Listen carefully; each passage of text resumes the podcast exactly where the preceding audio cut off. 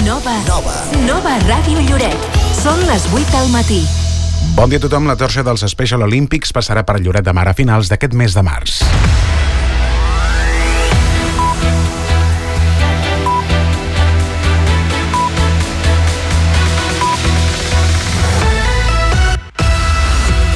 Recorrerà fins a 14 poblacions catalanes abans de donar pas a l'esdeveniment esportiu més important per a persones amb discapacitat intel·lectual.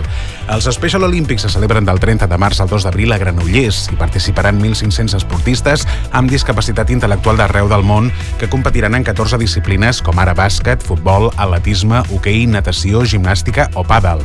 A Lloret, la torxa dels Special Olympics va desfilar pels carrers de la vila en diferents ocasions, com en el 2018 i també el 2014. Recordem que el municipi va ser la seu l'any 2006.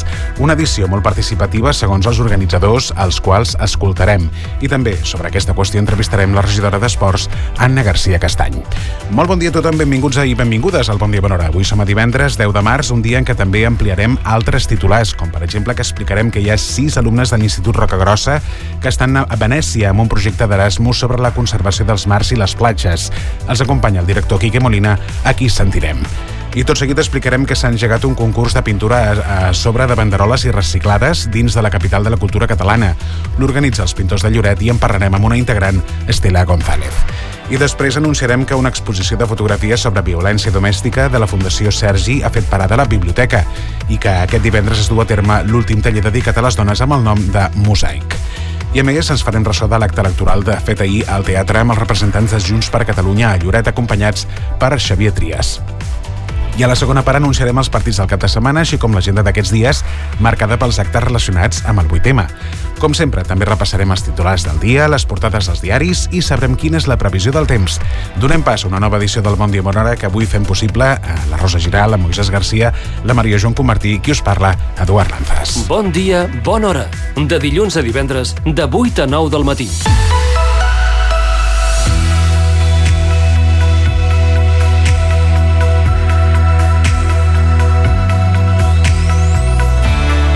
Passen dos minuts ara mateix de les 8 del matí, busquem el primer titular i com sempre ho fem de la mà d'en Miquel Bernis per saber quina és la previsió del temps que ens espera per avui divendres i també la resta del cap de setmana. Bon dia, Miquel.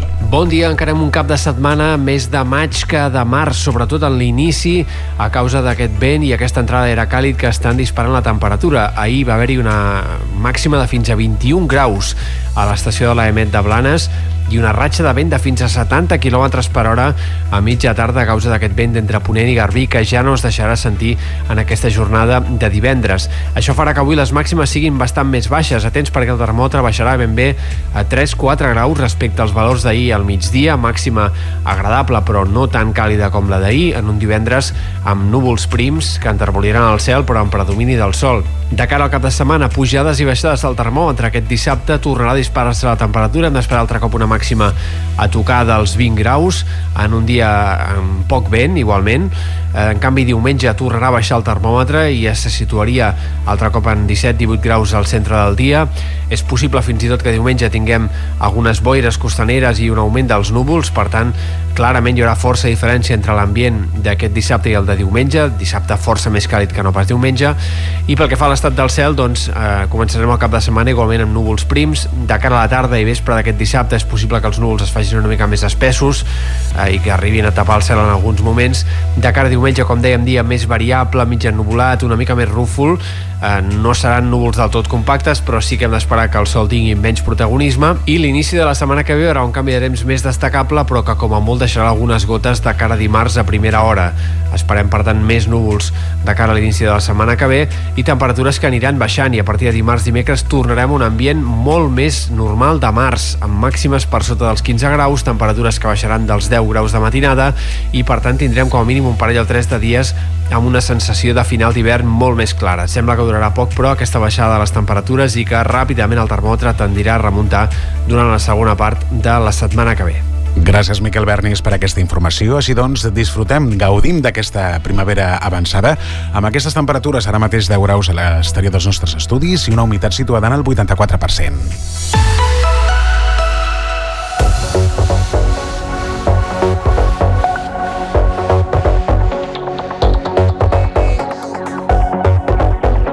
Passen 5 minuts ara mateix de les 8 del matí, moment de repassar les principals informacions que podem llegir avui de les portades dels diaris d'àmbit o de tirada nacional, estatal i també comarcal. I comencem pel punt avui, diu esfondrament mortal. Els tres geòlegs morts a la mina de Súria feien tasques d'inspecció a 650 metres. Les víctimes, tres joves de 28, 29 i 31 anys, van quedar sepultats en esfondrar-se al sostre. I les dones fan història en els enderroc. Per primera vegada els projectes liderats per dones són majoria en els premis. Joan Giraut aspira per novena vegada a l'alcaldia de Platja d'Aro. L'exalcalde encapçala la llista del bloc nacionalista impulsat per membres del PDeCAT. Més notícies. 7,6 milions de proves en un any al Santa Caterina. El laboratori clínic territorial del Parc Hospitalari de Sal s'ha ampliat en 550 metres quadrats i el nou espai acollirà la unitat de diagnòstic molecular i medicina personalitzada. I en l'àmbit esportiu, en l'entrevista d'Oriol Cardona, que és campió mundial de la prova d'esprint, diu, aquest titular ho buscava des de fa molts anys. Aquestes són les notícies del Punt Avui, edició de Girona. Pel que fa al diari de Girona, llegim que 100 menors de 14 anys van ser acusats d'agressió sexual a Catalunya l'any passat. Aquests nens, entre els quals n'hi ha 40 de menys de 12 anys, no poden ser imputats a causa de la seva edat. Fins a un miler han estat expedientats per diferents delictes. En clau comarcal, Girona ha crescut en 387 noves empreses en els darrers dos anys. També recull unes eh, declaracions que diu Curiosament, Lloret pot ser una espècie de Silicon Valley del turisme i de la tecnologia. Experts d'ambdós sectors es van reunir per debatre sobre la Web3 i la intel·ligència artificial aquí a la ciutat.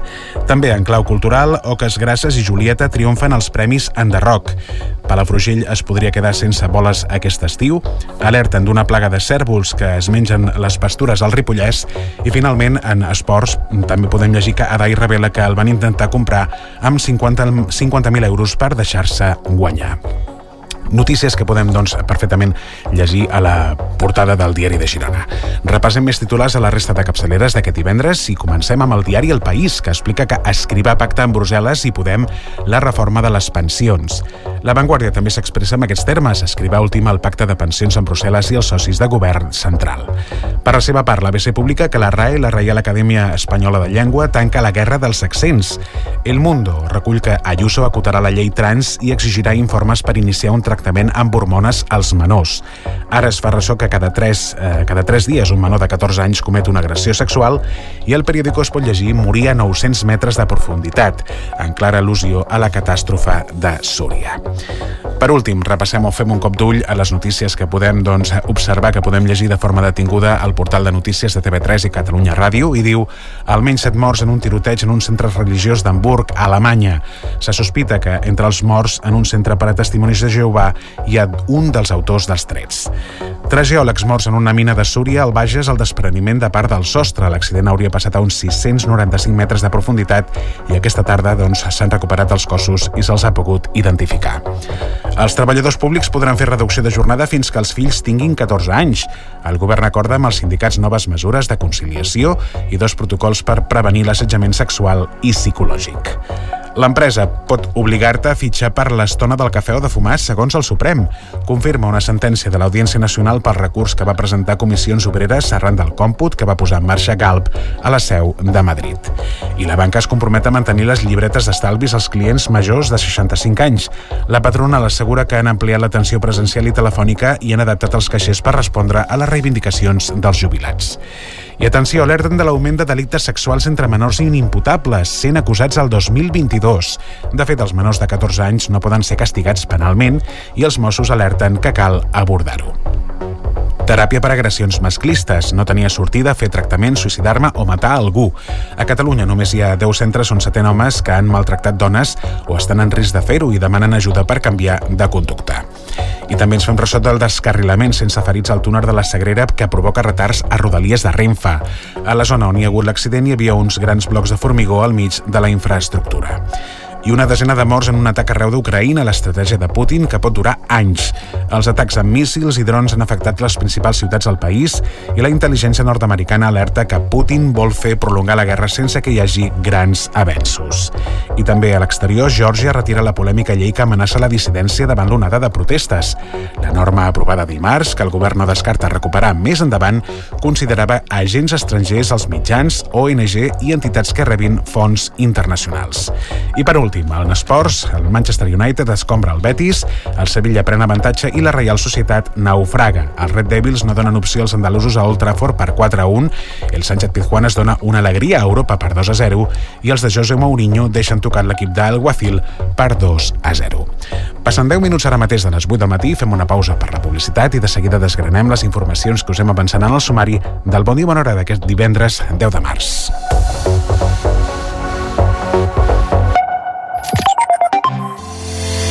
Vols millorar la visualització del teu negoci? Cartelleria digital i pantalles LED d'interior i exterior a Víctor So.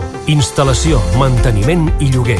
Dirigit a comerços i negocis locals. Potencia el teu negoci i millora la teva marca amb les pantalles LED de Víctor So. Ens trobaràs a l'Avinguda Vila de Tossa 5052 de Lloret de Mar. Telèfon 972 36 41 14. Centre Mèdic Loreto. Obtenció i renovació de permisos de conduir, llicències d'armes, seguretat privada, animals perillosos, obtenció de targeta de residència, tot tipus d'esports i la tramitació gratuïta del permís de conduir. Tenim el servei de medicina general, pediatria, psicologia i fisioteràpia. Treballem amb les principals mútues. Centre Mèdic Loreto. Carrer Verge de Loreto 53, al costat de la Policia Nacional. Telèfon 972 36 96 12. El Mercat Municipal de Lloret t'ofereix productes frescos i de proximitat amb aparcament gratuït. Peix, carn, fruita, verdures fresques i queviures... Vine, tria, compra o fes el teu encàrrec. Trobaràs un tracte directe i de confiança. Els paradistes es posen a la teva disposició per aconsellar-te en els productes de la compra. Ara més que mai, vine al teu mercat. Vine al Mercat Municipal de Lloret. T'esperem al carrer Sènia del Revic, al costat de l'escola Esteve Carles. ¿Cansado de interrupciones en tus llamadas y conexiones lentas a Internet? No busques más. Con Fitel Fibra Óptica y Telefonía Móvil, disfruta de una conexión rápida y estable en todo momento. Con nuestra tecnología de vanguardia tendrás la mejor experiencia de navegación y llamadas de alta calidad, sin importar dónde estés. Únete a la revolución tecnológica y elige Fitel. Fibra óptica y telefonía móvil en Lloret de Mar. Conéctate a Fitel. Aquest divendres assisteix a la conferència que organitza el Club Marina Casinet. Aquest divendres 10 de març, conferència del professor i exdirector del Conservatori de Girona, Lluís Brugués i Agustí, sobre la figura del famós director i compositor Antoni Ros Marvà, del qual acaba de publicar una biografia que presentarà al Club Marina Casinet. Aquest divendres, a les 8 del vespre, al Club Marina Casinet. Entrada pel carrer Màrtirs número 2, segona planta. T'hi esperem.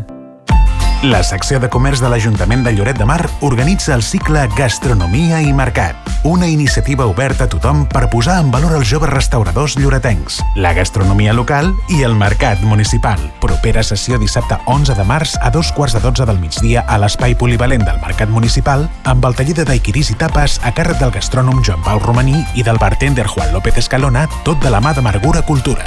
Per participar al taller cal inscripció prèvia a lloret.cat barra gastromercat amb un aforament limitat a 30 persones. Per assistir com a oient no cal inscripció. Més informació a www.lloret.cat barra comerç. Nens, divendres al matí no puc quedar. Jo tampoc, ja us espavilareu. Oh, és que no sé, jo tinc un trasplant de mocs o de què, no sé de què era. A mi em sortirà un imprevist, eh, macos? Ja us ho dic ara. És normal que les agendes saltin pels aires. Els divendres a les 9 del matí, tothom està només pel cada cultura. ¿Pero qué estás diciendo tú? No siguis l'últim en fer-ho. Tranquila, mujer, tranquila.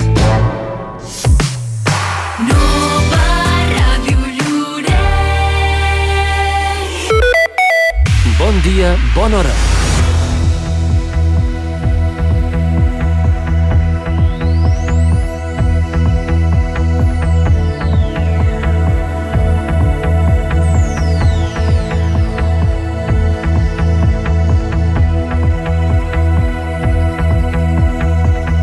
Ara falten 30 segons per arribar a un quart de nou del matí. A aquesta hora el que fem és eh, saludar la nostra companya Rosa Giral. Bon dia, Rosa. Molt bon dia, Eduard. Bon dia a tothom. La torxa dels Jocs Special Olímpics passarà per Lloret de Mar a finals d'aquest mes de març. Recorrerà fins a 14 poblacions catalanes abans de donar pas a l'esdeveniment esportiu més important per a persones amb discapacitat intel·lectual. Els Special Olímpics se celebren el 30 de març al 2 d'abril a Granollers. Hi participaran 1.500 esportistes amb discapacitat intel·lectual d'arreu del món que competiran en 14 disciplines com ara bàsquet, futbol, atletisme, hoquei, natació, gimnàstica o pàdel. Els Jocs organitzats per la Federació Catalana d'Esports per a Persones amb Discapacitat Intel·lectual, que és la CELL, Special Olympics Catalunya i l'Ajuntament de Granollers oferiran una programació paral·lela a la competició. La voluntat és fomentar la participació de la ciutadania amb més de 600 voluntaris en aquest esdeveniment. Aquí a Lloret la torxa dels Special Olympics va desfilar pels carrers de la vila en diferents ocasions, com el 2018 i el 2014. Recordem que el municipi va ser-ne la seu l'any 2006. Marina Gómez, presidenta de CEIL, assegura que va ser una de les millors edicions. Un record una mica romàntic, perquè Lloret va ser seu dels Jocs en una ocasió i bueno, nosaltres ho recordem com uns dels millors jocs que, hem pogut, eh, que s'han pogut organitzar i, i com a entitat uns dels que vam viure més de prop eh, amb tota la col·laboració del voluntariat, amb tot el volcatge que va fer l'Ajuntament en aquell moment i tota la col·laboració ciutadana que vam rebre, eh, llavors hi ha tota aquesta part una mica de record romàntic, no? De que, de que la, els jocs ja van ser eh, a Lloret una vegada i cada vegada que es fan, que s'organitzen uns nous jocs, doncs eh, bueno, fem aquest petit record eh, a les ciutats que han col·laborat en algun moment amb, amb l'organització. Escoltem Sergi Grimau, president dels Specials Olímpics a Catalunya. Contents i agraïts de que la torxa dels Special Olímpics torni a Lloret, ciutat que va ser ciutat Special Olímpics l'any 2006 i que ha rebut la torxa en altres ocasions i una festa, esperem que, que la gent s'hi uneixi, que la població ens faci companyia en aquesta torxa que simbolitza aquest encén la teva flama, que és l'eslògan d'aquests jocs, encén la flama no només dels esportistes, ja que és l'esdeveniment més important eh, esportiu dins del col·lectiu de les persones amb discapacitat intel·lectual, amb més de 1.500 esportistes a Granollers, sinó també encendre la flama de la societat i fer aquest canvi de mirada tan necessari eh, cap a la inclusió i cap al respecte a la diversitat. Així que molt, molt, molt agraïts a, a Lloret per rebre'ns novament a Special Olympics Catalunya i als Jocs Granollers 2023. La torja dels Jocs recorrerà 14 poblacions catalanes una setmana abans de l'acte inaugural, entre les quals hi ha també Lloret. De fet, la resta de poblacions són la Seu d'Urgell, Barcelona, Lleida, Girona, Tarragona, Mataró, Figueres, Calella, Badalona, Igualada, Reus, Sant Just d'Esvern i Granollers. Parlem amb la regidora d'Esports de l'Ajuntament de Lloret, que és l'Anna Garcia Castany. Aquí tenim el telèfon. Molt bon dia, Anna. Hola, molt bon dia a tothom. Uh, contents de poder acollir el pas de la torxa dels Special aquí a Lloret? Doncs la veritat que molt contents, molt contents que primer de tot agrair, agrair que, que ens hagin escollit doncs, una de les seus per, per, per passar aquesta torxa. I la veritat doncs molt contents perquè això vol dir doncs que, que, que ens tenen en compte i que donen valor doncs, doncs a Lloret com a població referent esportivament. I a més a més doncs una població que hi aposta molt per, per l'esport inclusiu. I la veritat doncs que estem molt contents perquè crec que és l'única població de la província de Girona. I, i dintre d'aquestes 12 o 14 que aquí passen, doncs que, que hem sigut escollits, doncs la veritat que molt, amb molta il·lusió i, bueno, i molt content. Anna, explica'ns quin dia la torxa passa per Lloret i com, com s'ha previst. Doncs el dia és el dimarts 28 de març, aproximadament serà a les 12 del migdia, i sí que és veritat que ells, a nosaltres, quan passen una miqueta el protocol de com serà, diguéssim, aquesta passada de la torxa, a nosaltres ens van demanar que fos, doncs, doncs pels carrers de Lloret. I és veritat que és un dimarts, al migdia, i nosaltres veiem doncs, que, que potser no tindria la prou visibilitat que, que es mereix, i vam considerar doncs, que millor um, fer-ho amb les escoles, fer-ho a les pistes d'atletisme, concentrem a les escoles de Lloret i instituts, i, i bé, i que ens acompanyin doncs, tots aquests alumnes a, a aquesta passada de la torxa. La torxa es farà aproximadament amb un quilòmetre i es faran com relleus de 100 metres i cada 100 metres doncs, s'anirà passant la torxa a aquests esportistes que participaran a les Olimpiades, que em sembla que no sé si a Lloret em sembla que en tenim 22, i, i ells doncs, aniran, aniran passant la torxa cada 100 metres i els hi acompanyaran doncs, dos esportistes d'aquestes diferents escoles de Lloret. A nosaltres hem decidit fer-ho així doncs, perquè D'aquesta manera donem la visibilitat amb, amb aquestes Olimpiades a dintre de, dels alumnes de l'escola i els infants que, que vegin doncs, els valors i, i, bueno, i una miqueta doncs, mostrar doncs, el, el que signifiquen els especial olímpics a, a les escoles i que tinguin coneixement. I uh -huh. per això vam decidir doncs, comptar amb les escoles que jo crec que, que és el millor que podíem fer. Ah, Anna, ah, dius aquesta, aquesta xifra que ens interessa, és a dir, 22 esportistes de Lloret participaran en els Special.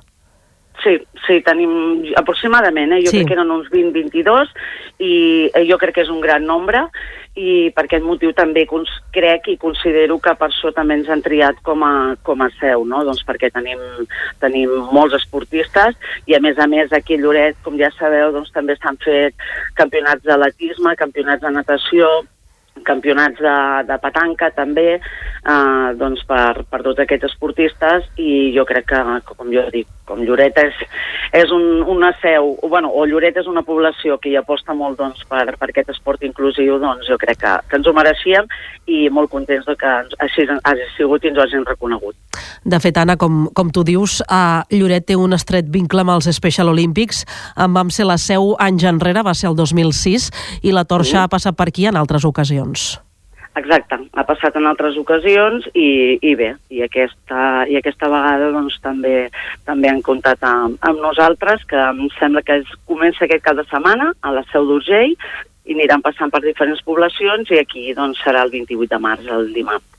Entenem, doncs, que el, el paper dels alumnes de Lloret serà d'espectadors amb, amb, tot aquest, no? amb tot aquest esdeveniment de la torxa passant per les pistes amb els relleus?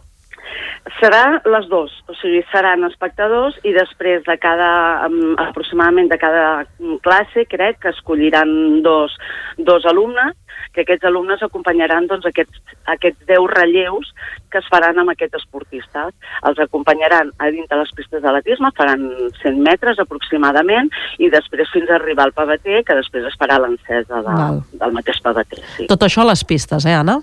A les pistes d'atletisme. Començarà a la piscina, perquè és veritat que ens van demanar que havia un recorregut de 1.000 quilòmetres, ai, de 1.000 quilòmetres, perdó, d'un quilòmetre, de 1.000 metres, i nosaltres a les pistes, el que són les pistes, fan 400. I farem, sortirem des de la piscina per la part de la vorera, en cap moment carretera, que això és el que també volíem, en el moment que comptes amb les escoles, doncs també volíem mm, tenir en compte més que res per, bueno, per ells, per la seguretat dels alumnes, i passarà per la vorera, entrarà a les pistes d'atletisme i donarà dues voltes a dintre de les pistes d'atletisme. I al final s'encén el pavater, no?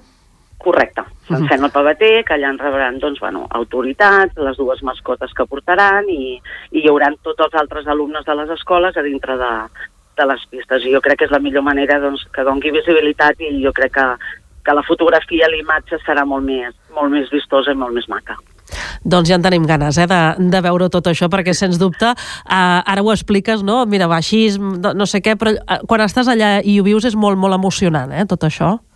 Home, jo crec que sí, jo crec que és molt emocionant i, i a més a més doncs, mostrem tots aquests valors de tots aquests alumnes i en, ai, de tots aquests esportistes en, en tots aquests alumnes i a més a més a la població. Exacte. Recollim tota aquesta informació i, evidentment, agraïm aquesta entrevista en directe amb la ràdio de Lloret de Mar. Anna Garcia Castany, regidora d'Esports, moltes gràcies per atendre'ns i molt bon dia.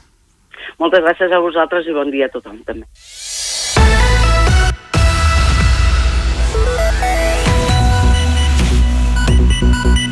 Bon dia, bona hora. De dilluns a divendres, de 8 a 9 del matí.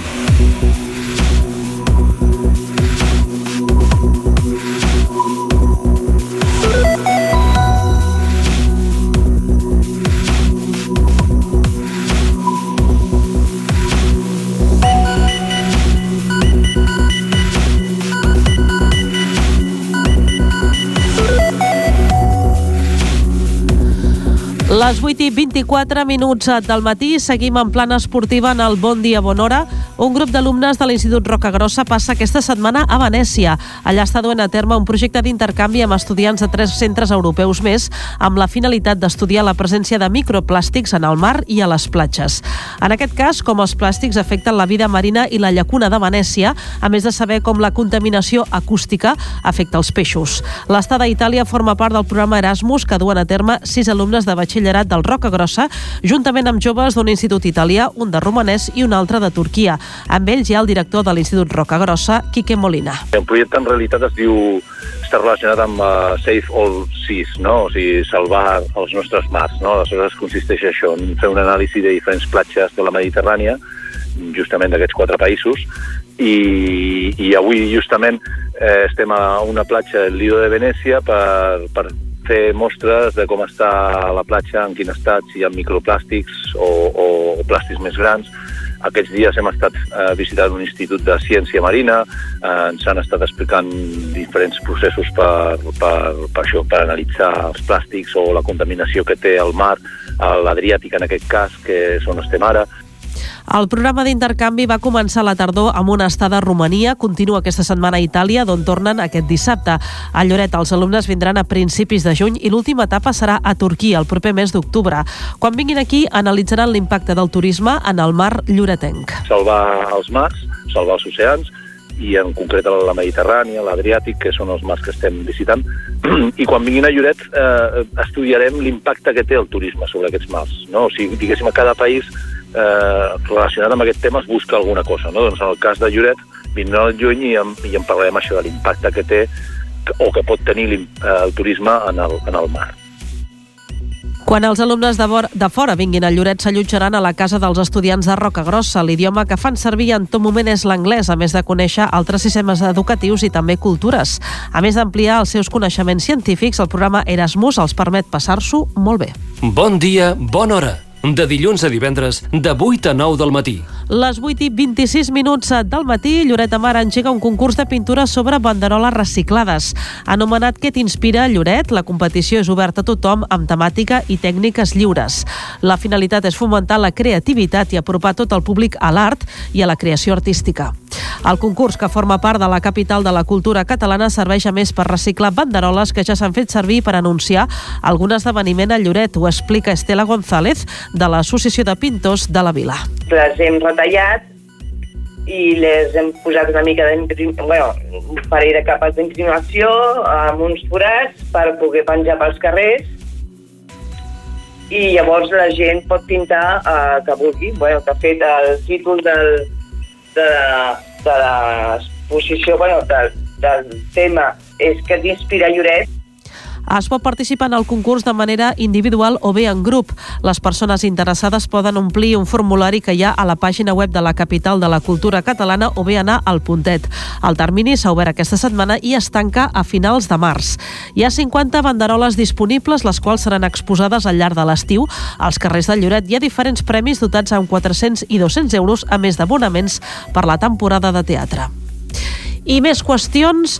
On habita la violència masclista és una exposició de fotografia que ha fet parada a Lloret.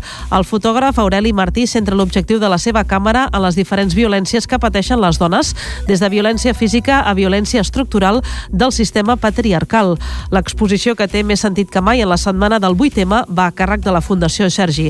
Escoltem el seu director, Lluís Puigdemont. Des de, evidentment, la violència masclista que pot eh, patir una dona a dins de casa, eh, evidentment no hi ha unes escenes eh, molt, eh, diríem, fortes, sinó que són escenes sobretot relacionades amb el que ha passat previ, abans o després d'haver patit una violència masclista, però llavors també tot el tema d'altres violències que pateixen les dones relacionades amb el treball, ja sigui un sostre de vidre que no es pot, eh, una persona doncs, no pot accedir segons a quins llocs de treball o quins sous, tot el tema relacionat amb l'esport i per tant doncs, eh, visibilització de la dona que també fa esports i esports molt vinculats al món eh, masculí o per altra banda també tot el tema de la cosificació, no? tot el tema de la moda i com les dones han de tenir un cos eh, normatiu la mostra que formen 15 imatges en blanc i negre posa el focus en el procés d'empoderament de les dones per tal d'afrontar i superar aquestes violències.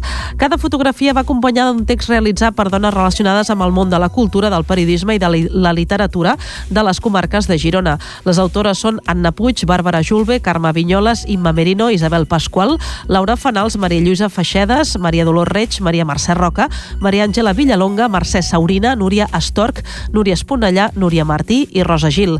Aquesta exposició és una iniciativa de la Fundació Sergi dins del projecte Dones Supervivents per tal de sensibilitzar sobre la violència masclista. La mostra que es troba a la biblioteca es pot visitar fins al dia 15 de març. Al mateix equipament avui es du a terme l'últim taller per a dones migrants del projecte Mosaic. Ens en parla una de les organitzadores, Rocío Ruiz. Aquest divendres al matí oferim un taller organitzat per les dones migrants i talentoses de Lloret de Mar, amb el suport de l'ONG MIA i l'Associació de Dones L'Aurora. Participarà l'experta del CIAT, Mercè Serrano, i també ens visitarà la regidora d'Igualtat, Jenny Pérez. Com que és l'últim taller de la temporada, tindrem més sorpreses, així que no t'ho perdis. Reserva la teva plaça al WhatsApp 632 75 42 50. El taller previst a dos quarts de deu del matí a la biblioteca té com a finalitat explicar a les dones migrants a quines ajudes econòmiques poden optar i quins tràmits han de fer per sol·licitar-les. Ens situem a dos quarts de nou en punt del matí.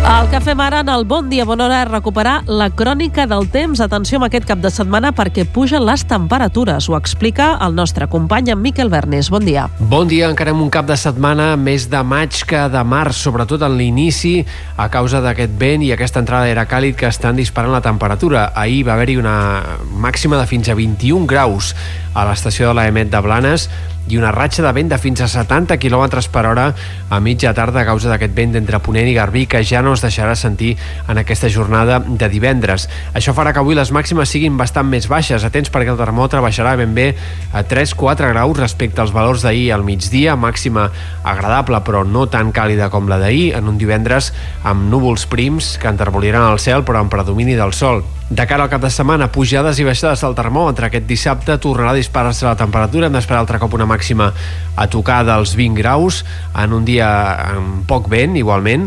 En canvi, diumenge tornarà a baixar el termòmetre i ja se situaria altre cop en 17-18 graus al centre del dia. És possible fins i tot que diumenge tinguem algunes boires costaneres i un augment dels núvols, per tant, clarament hi haurà força diferència entre l'ambient d'aquest dissabte i el de diumenge, dissabte força més càlid que no pas diumenge, i pel que fa a l'estat del cel, doncs eh, començarem el cap de setmana igualment amb núvols prims, de cara a la tarda i vespre d'aquest dissabte és possible que els núvols es facin una mica més espessos eh, i que arribin a tapar el cel en alguns moments, de cara a diumenge, com dèiem, dia més variable, mig ennubulat, una mica més rúfol, eh, no seran núvols del tot compactes, però sí que hem d'esperar que el sol tingui menys protagonisme, i l'inici de la setmana que ve hi haurà un canvi de temps més destacable, però que com a molt deixarà algunes gotes de cara a dimarts a primera hora. Esperem, per tant, més núvols de cara a l'inici de la setmana que ve i temperatures que aniran baixant i a partir de dimarts dimecres tornarem a un ambient molt més normal de març, amb màximes per sota dels 15 graus, temperatures que baixaran dels 10 graus de matinada i per tant tindrem com a mínim un parell o tres de dies amb una sensació de final d'hivern molt més clara. Sembla que durarà poc, però, aquesta baixada de les temperatures i que ràpidament el termòmetre tendirà a remuntar durant la segona part de la setmana que ve. Gràcies, Miquel Bernis, per aquesta informació. El que fem ara és donar les dades que tenim ara mateix a Lloret de Mar. La temperatura ara mateix és d'11 graus i la humitat se situa a aquesta hora en el 80%.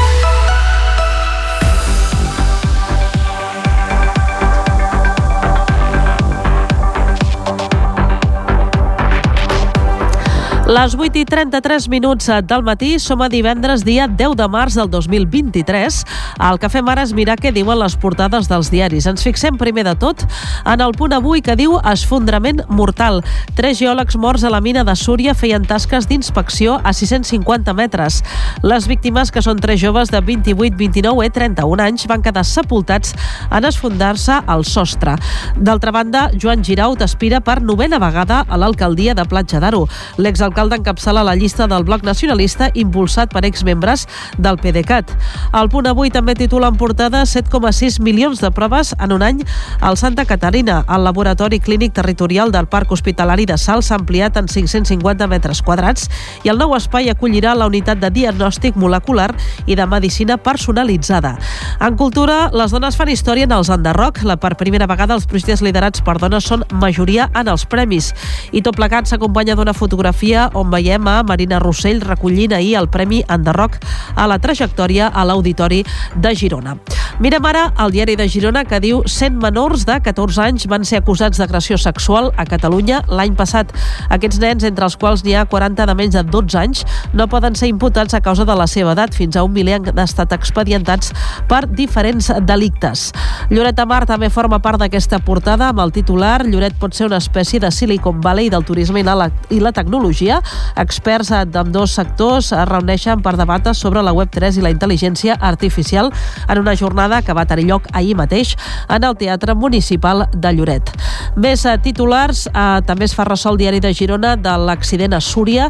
Tres morts en un accident en una mina. Les víctimes de l'ensorrament realitzaven una inspecció rutinària. També dona una dada al diari de Girona en portada que ha crescut Girona en 387 noves empreses en els darrers dos anys. Palafrugell es podria quedar sense boies aquest estiu. Alerten d'una plaga de cèrvols que es menja les pastures al Ripollès i pel que fa als Premis Enderroc, el titular que dona el diari de Girona és que Òscars Gràcies i Julieta triomfen en els Premis Enderroc. Repassem més titulars a la resta de capçaleres d'aquest divendres. Anem a Pams i comencem amb el diari El País, que explica que escrivà pacte amb Brussel·les i Podem la reforma de les pensions. La Vanguardia també s'expressa en aquests termes, escrivà últim el pacte de pensions a Brussel·les i els socis del govern central. Per la seva part, l'ABC explica que la RAE, la Real Acadèmia de la Llengua Espanyola, tanca la guerra dels accents. El Mundo recull que Lluça acotarà la llei trans i exigirà informes per iniciar un tractament amb hormones als menors.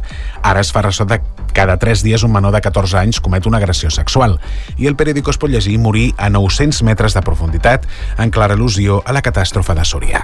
El que fem ara és mirar el portal de notícies 324.cat de TV3 i de Catalunya Ràdio, on hi llegim almenys 7 morts en un tiroteig en un centre religiós d'Hamburg. Se sospita que entre els morts en un centre per a testimonis de Jehovà hi ha un dels actors dels tres. I tres geòlegs morts en una mina de Súria pel despreniment de part del sostre. L'accident hauria passat a uns 695 metres de profunditat i aquesta tarda s'han recuperat els cossos i se'ls ha pogut identificar.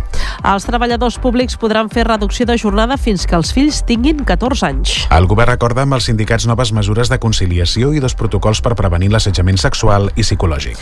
L'empresa pot obligar-te a fitxar per l'estona del cafè o de fumar, segons el Suprem. Confirma una sentència de l'Audiència Nacional pel recurs que va presentar Comissions Obreres arran del còmput que va posar en marxa Galp a la seu de Madrid. La banca es compromet a mantenir les llibretes d'estalvis als clients majors de 65 anys. La patronal assegura que han ampliat l'atenció presencial i telefònica i han adaptat els caixers per respondre a les reivindicacions dels jubilats. Alerten de l'augment de delictes sexuals entre menors inimputables sent acusats el 2022. Els menors de 14 anys no poden ser castigats penalment i els Mossos alerten que cal abordar-ho. Teràpia per a agressors masclistes no tenia sortida, diu fer tractament, suïcidar-me o matar algú. A Catalunya només hi ha 10 centres on s'atén homes que han maltractat dones o estan en risc de fer-ho i demanen ajuda per canviar de conducta. Un descarrilament sense ferits al túnel de la Sagrera provoca retards a Rodalies. A la zona on hi havia l'accident hi havia uns grans blocs de formigó al mig de la infraestructura. Una desena de morts en un atac d'arreu arreu d'Ucraïna, l'estratègia de Putin que pot durar anys. Els atacs amb míssils i drons han afectat les principals ciutats del país i la intel·ligència nord-americana alerta que Putin vol fer prolongar la guerra sense que hi hagi grans avenços. Geòrgia retira la polèmica llei que amenaça la dissidència davant de la onada de protestes. La norma aprovada dimarts, que el govern no descarta recuperar més endavant, considerava agents estrangers, els mitjans, ONG i entitats que rebin fons internacionals.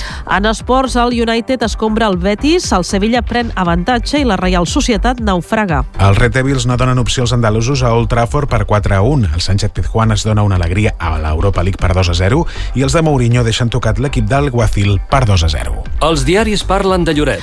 Avui trobem una notícia, és en el diari de Girona, que és com una crònica de la jornada que es va fer ahir en el teatre sobre doncs, noves tecnologies, amb el titular Lloret pot ser una espècie de Silicon Valley del turisme i les noves tecnologies.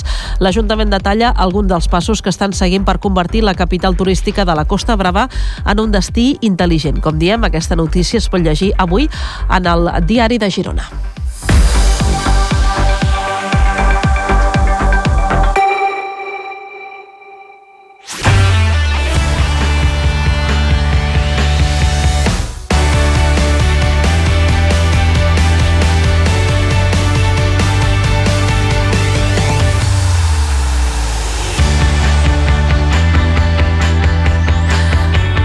Les 8 i 39 minuts del matí obrim la segona part amb la plana esportiva. Arriba una nova jornada de Lliga per als equips lloretencs i un dels partits més destacats és el que jugarà el Club de Futbol Sala Lloret, que rebrà el líder de la Divisió d'Honor catalana, el Fundació Terrassa. Serà la jornada 16 del Campionat de Lliga.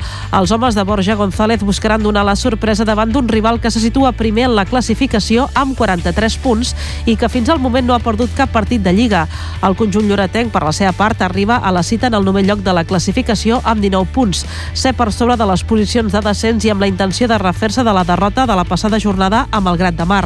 El tècnic de l'equip, Borja González, reconeix que serà un partit complicat però no descarta que puguin obtenir un resultat positiu. Esta semana la verdad que tenemos un partido muy difícil ante el líder, un equipo que no, no ha perdido ningún partido, ha ganado todo menos, a, menos un empate que tiene y la verdad que va a ser un partido muy difícil. Somos súper conscientes pero tenemos mucha ilusión, mucho trabajo y pese a varias bajas que tenemos, creemos que, que bueno, que podemos, podemos sacar algo en Lloret.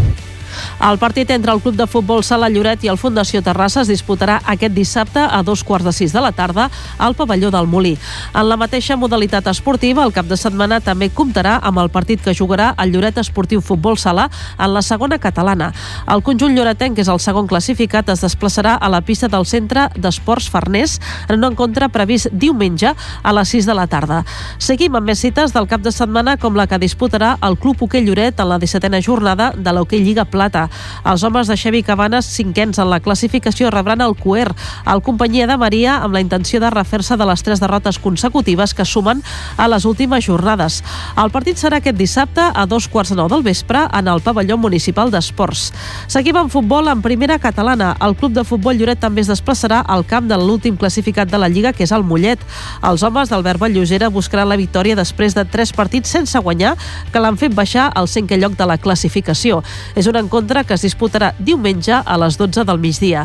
També en futbol, en la segona catalana, la Jove Lloret jugarà al camp de l'Atlètic Sant Pol en l'última jornada de la primera fase. Serà aquest diumenge a les 12 del migdia. L'equip d'Alessandro Seixi ja no té opcions de classificar-se per la fase d'ascens i haurà de disputar la fase de permanència. Més cites. El sènior masculí del bàsquet Lloret vol allargar la bona dinàmica de resultats i aquest cap de setmana rebrà la visita del Bascanó que ocupa l'últim lloc de la classificació de Copa Catalunya. Els homes de Marc Siurana, per la seva part, són quarts amb 28 punts. És un partit que jugarà aquest dissabte a les 5 de la tarda en el pavelló del Molí. També jugarà el sènior femení del bàsquet Lloret. Ho farà a la pista del càmping Vianya Roser aquest diumenge a les 11 del matí. Les lloretenques que venen de superar el femení Maresme en la passada jornada buscaran la onzena victòria de la temporada per seguir a la zona alta de la classificació. I acabem el repàs de la jornada amb el club de vòlei Lloret que disputarà el tercer partit de la fase de permanència a la segona divisió. Les jugadores de Gerardo Rey, que venen de guanyar la setmana passada al Torre de Claramunt, rebran la visita de la Salle Bonanova. Serà aquest dissabte a les 8 del vespre al pavelló del Molí.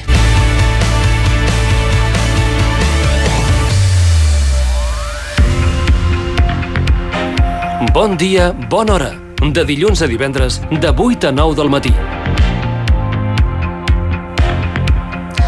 Les 8 i 43 minuts del matí fem ara un apunt de política. Xavier Trias, alcaldable de Junts per Catalunya a l'Ajuntament de Barcelona, ha estat a Lloret per donar suport a la candidatura de Jordi Martínez. Ho ha fet aquest dijous al vespre en un acte al teatre que s'ha omplert amb prop de 400 persones.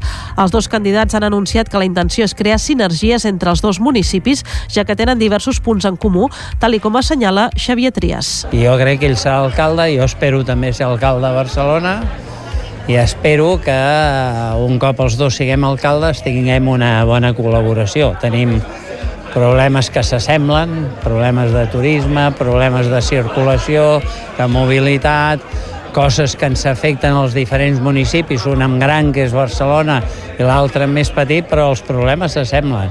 I el que hem de fer és buscar fórmules de col·laboració i de treball conjunt. I això és el que jo vinc a oferir. De Barcelona, capital de Catalunya, ajudant en els municipis de tot Catalunya. Per a Jordi Martínez és un honor que l'alcaldable de Barcelona vingui a fins a Lloret a donar-li suport. La veritat és que rebre el suport d'en Xavier és potser la màxima aspiració que un pot tenir quan fa la primera conferència aquí al, al Teatre Municipal de Lloret i sobretot agrair-li la, la seva visita, la seva confiança i com bé ella ha dit, doncs, intentem buscar sinergies entre, entre Lloret i Barcelona. Som una miqueta, no dic el fill petit, però sí que tenim una miqueta la mateixa problemàtica a Barcelona, les entrades a Barcelona, els pàrquings, la mobilitat, una miqueta la quantitat de gent que viu a tot arreu, doncs una miqueta la, les problemàtiques són bastant similars entre un lloc i un altre. No? A l'estiu també s'emplena molt de turistes, igual que Lloret. A l'acte d'aquest dijous en el teatre, Jordi Martínez ha exposat algunes de les propostes que fa per Lloret, les quals defineix com a senzilles, ambicioses i realitzables. Unes propostes que es divideixen en tres blocs, treball en equip i amb la ciutadania, gestió i ordenances de civisme. Un dels projectes més destacats que proposa és la creació d'un passeig nou des del castell fins al Museu del Mar, a banda de rehabilitar completament el nucli antic perquè sigui més amable per viure-hi, però també que es converteixi en un pol d'atracció turística. Bon dia, bona hora. De dilluns a divendres, de 8 a 9 del matí. Ens situem a tres quarts de nou del matí. El que fem ara és donar pas a l'agenda del cap de setmana. Un any més arriba la festa Oli en el barri de Can Carbó. Serà aquest dissabte al matí. L'organitzen l'Associació Cultural de la Índia i el PLAC, el Pla Local d'Acció i Ciutadania de Benestar i Família. Un membre de l'entitat, un membre de l'entitat, volem dir, Narendra Mayani, explica que és una celebració tradicional de l'Índia per donar la benvinguda a la primavera. Aquesta festa és la primera de l'any dels quatre principals festes que tenim a la Índia i bueno, és, aquesta festa tracta de, de donar la benvinguda a la primavera i sempre es fa el dia de lluna plena i bueno, és, bueno, segons diuen els, els mites que bueno, és la festa de, de, de bé sobre el mal. Tant en Narendra com la regidora de Benestar i Família, Aranxa Jiménez, animen tothom a participar en aquesta festa que asseguren que és molt i molt divertida.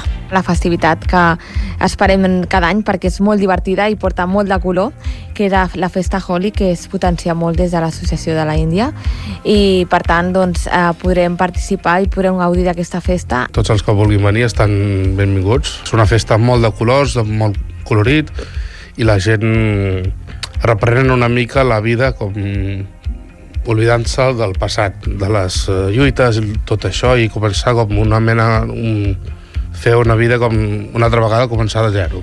Uh -huh. Cada any fem una, una pausa i tornem a començar.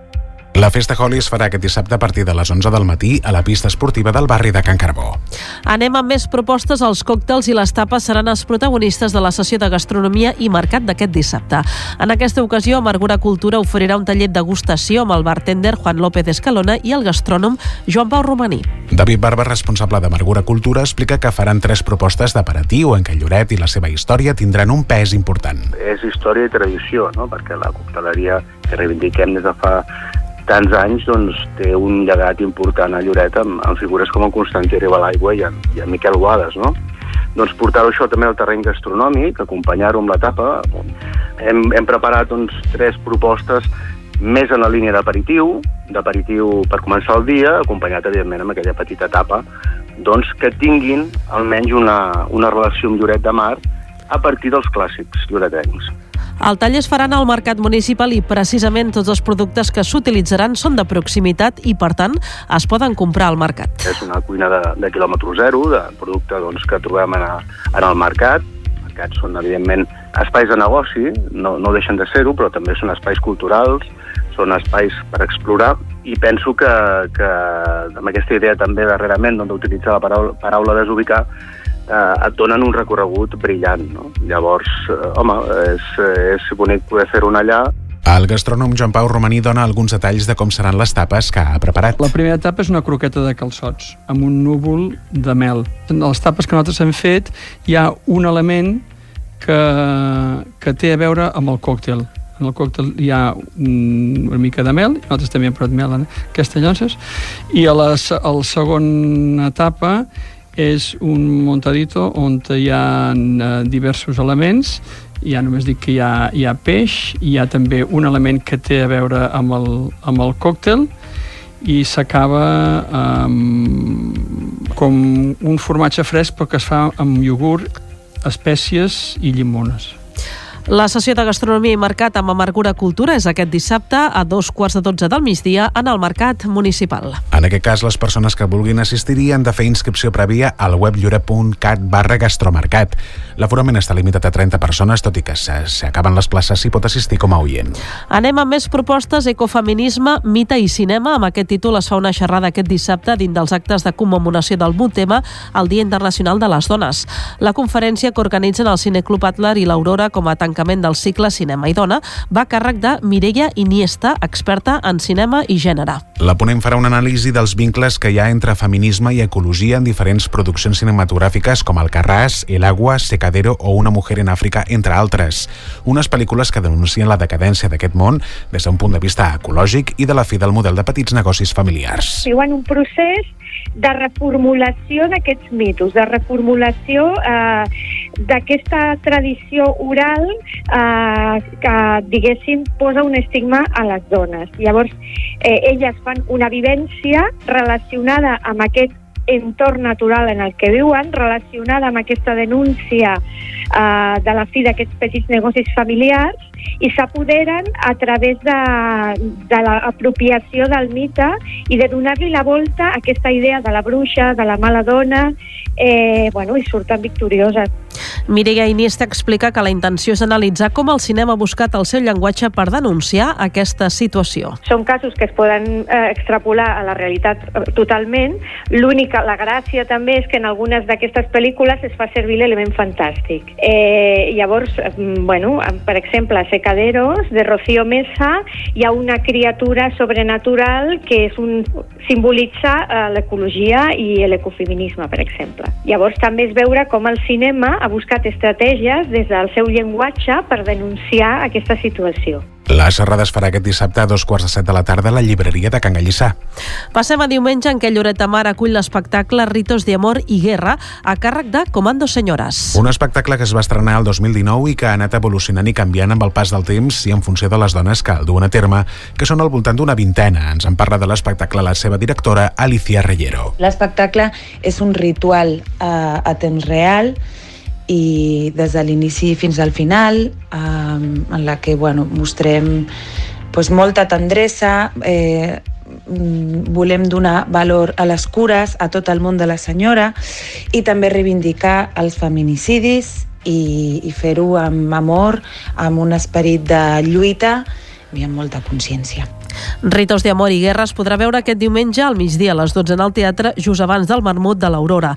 L'entrada és gratuïta. A més del Vermut s'entregarà el tercer premi Aurora, que aquest any recau en la historiadora Montserrat Sala i Vila, que fa anys que viu i que du a terme diferents estudis i investigacions que busquen remarcar el paper de la dona a la societat lloretenca dels segles XIX i XX.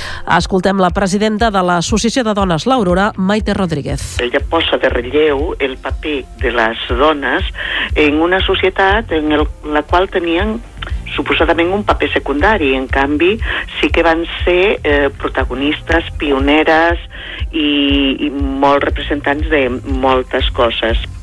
Això ens ha semblat molt interessant, els estudis sobre la dona i, a més a més, la dona lloretenca. I dius, bueno, mmm, qui millor que ella per rebre aquest Premi Aurora Montserrat Sala i Vila està molt sorpresa i il·lusionada per haver estat collida per rebre el Premi Aurora d'aquest 2023. La guardonada explica que el més destacat de les seves recerques és que demostren el paper rellevant que van tenir les dones durant tants anys en què se les va invisibilitzar. Sobretot que més enllà de la mirada de que la dona benestant es quedava a casa i que només tenia cura de la família i, i de la casa i poca cosa més, vale, que tenia un paper secundari, el que m'està demostrant la recerca que porto a terme és que no sempre és així. Moltes vegades elles estan al capdavant dels negocis, poder no, no al capdavant en el sentit que aviam, no estan, estan en allà, ¿vale? vull dir, gestionen tant la família com els negocis i estan al tanto de tot. Això és el que més crec que cal destacar. Montserrat Sala està pionera en treure a la llum i donar visibilitat en aquests perfils de dones d'aquí de Lloret. Una aportació important tenint en compte que durant anys les dones van estar completament sotmeses als homes, sobretot les que estaven casades. Ja només legalment, eh, la dona era considerada el que podríem dir o com una menor emancipada. És a dir, la dona estava subjecta al marit, sobretot la dona casada. Hem de pensar que la dona casada podia fer molt poques coses sense el vistiplau del marit. Legalment, per qualsevol tràmit, tenia, necessitava el seu vistiplau. Bueno, fins al franquisme també. Eh? Llavors, ostres, clar, ja legalment estava una mica lligada, sobretot la dona casada, eh? La dona vídua, la dona soltera, mm, lliurement. No necessitava cap vistiplau. Per la guardonada ha estat una sorpresa molt gratificant que l'Aurora hagi decidit reconèixer la seva tasca de formigueta. La feina de recerca històrica és una feina de formigueta. És com fer un puzzle, però que les peces els has de buscar. I quan els busques i els trobes, llavors els has d'anar encaixant. Val? Que aquesta feina tan discreta o, o invisible eh, l'hagin tingut en compte doncs és molt important, la veritat. I, i a més jo que sigui dona, no? Perquè clar, com a dona treballo, eh, tinc cura de casa meva, com les dones del segle XIX, o com moltes dones d'avui en dia, tenim cura de tot, eh? de la feina, de la casa, i el petit espai que ens queda, bueno, pues ara el, el dedico a la recerca. Doncs molt orgullós i molt contenta, la veritat, una gran satisfacció. El Premi Aurora del 2023 s'entregarà aquest diumenge en el marc del Marmut de l'Aurora que es farà cap a la una del migdia en el Teatre de Lloret, just després de l'espectacle Ritos de Amor i de Guerra a càrrec de Comando Senyores. Bon dia, bona hora de dilluns a divendres, de 8 a 9 del matí. Les 8 i 55 minuts del matí, reivindicar la dignitat de les persones que viuen en un territori en guerra. Aquest és l'objectiu de l'exposició de fotografies que es pot visitar aquests dies a la Biblioteca de Lloret i que mostra una visió humana i propera de les víctimes en els conflictes armats. Lloret de Mar és el primer municipi on es podrà veure aquesta exposició de la coordinadora d'ONG Solidàries que compta amb un recull d'imatges del cooperant Albert Udela i el fotoperiodista Carles Palacio. Una representant de la plataforma per la Pau de Lloret, Maria Carme Bernat, valora molt positivament que s'hagi escollit el municipi com a lloc d'estrena de l'exposició, que assegura que és molt interessant perquè posa en valor la dignitat d'aquelles persones que pateixen una guerra o bé un conflicte armat. En aquest sentit, recorda que arreu del món hi ha molts conflictes desconeguts. Aquesta exposició es va crear a partir d'unes fotografies del cooperant Albert Udela i del fotoperiodista Carles Palacio. I ells, amb aquestes imatges, ens ajuden a veure mm, la dignitat de les persones víctimes en els conflictes armats, perquè nosaltres ens preguntem on és la dignitat d'aquestes persones? Aquesta és la pregunta que es fa a l'exposició. Dignitat i guerra, les víctimes en els conflictes armats. I coincidint amb la Setmana dels Feminismes, Maria Carme Bernat posa de relleu la gran quantitat de dones que pateixen diferents violències en zones de guerres i de conflictes armats. En el món hi ha milions de dones i víctimes de, la, i de, de guerres que estan patint. Patina, pateixen violacions, humillacions, bueno, etc etc. I la veritat és que poc se'n parla d'elles. Mm, també se'n podria fer una mica de, de ressò d'aquestes dones. L'exposició Dignitat i Guerra a les víctimes en els conflictes armats es pot visitar a la Biblioteca de Lloret fins al dia 31 de març. Bon dia, bona hora de dilluns a divendres, de 8 a 9 del matí. Les 8 i 57 minuts del matí, atenció als amants de la poesia i els rapsodes perquè dins dels actes de la capital de la cultura catalana es farà una jornada dedicada en aquesta vessant artística. La iniciativa s'anomena Poeta de Guàrdia i es durà a terme el 21 de març, tot i que les persones que vulguin gaudir-ne ja es poden inscriure a través del web dedicat a la capitalitat de la cultura catalana. La idea és la següent. Les persones que s'inscriguin el dia 21 rebran una trucada d'un rapsoda que els recitarà un poema per telèfon. Un dels organitzadors, l'actor lloretenc Joan Pau Romaní, explica que han dividit els poemes en tres temàtiques i que els oients podran triar quina temàtica prefereixen. Ho acabarà triant d'alguna manera la persona a qui se li dirà o a qui se li recitarà el poema. Nosaltres tenim com tres, tres propostes. Una que parla sobre Lloret i la seva natura, etc. Una altra que parla sobre la vida i uns altres que parlen sobre l'amor Llavors tu pots, eh, pots escollir un dels tres. El poema no el pots escollir tu, sinó que l'escollirem nosaltres, però la temàtica sí.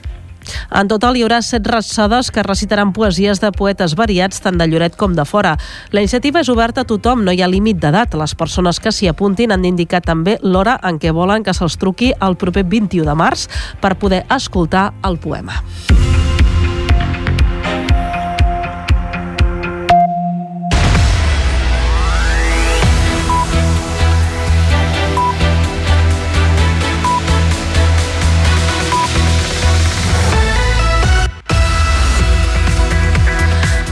I mig i arribem a les 9 del matí. Estem a la recta final de l'informatiu d'aquest divendres, dia 10 de març, en què hem donat detalls del pas de la torxa dels Specials Olímpics aquí a Lloret Mar.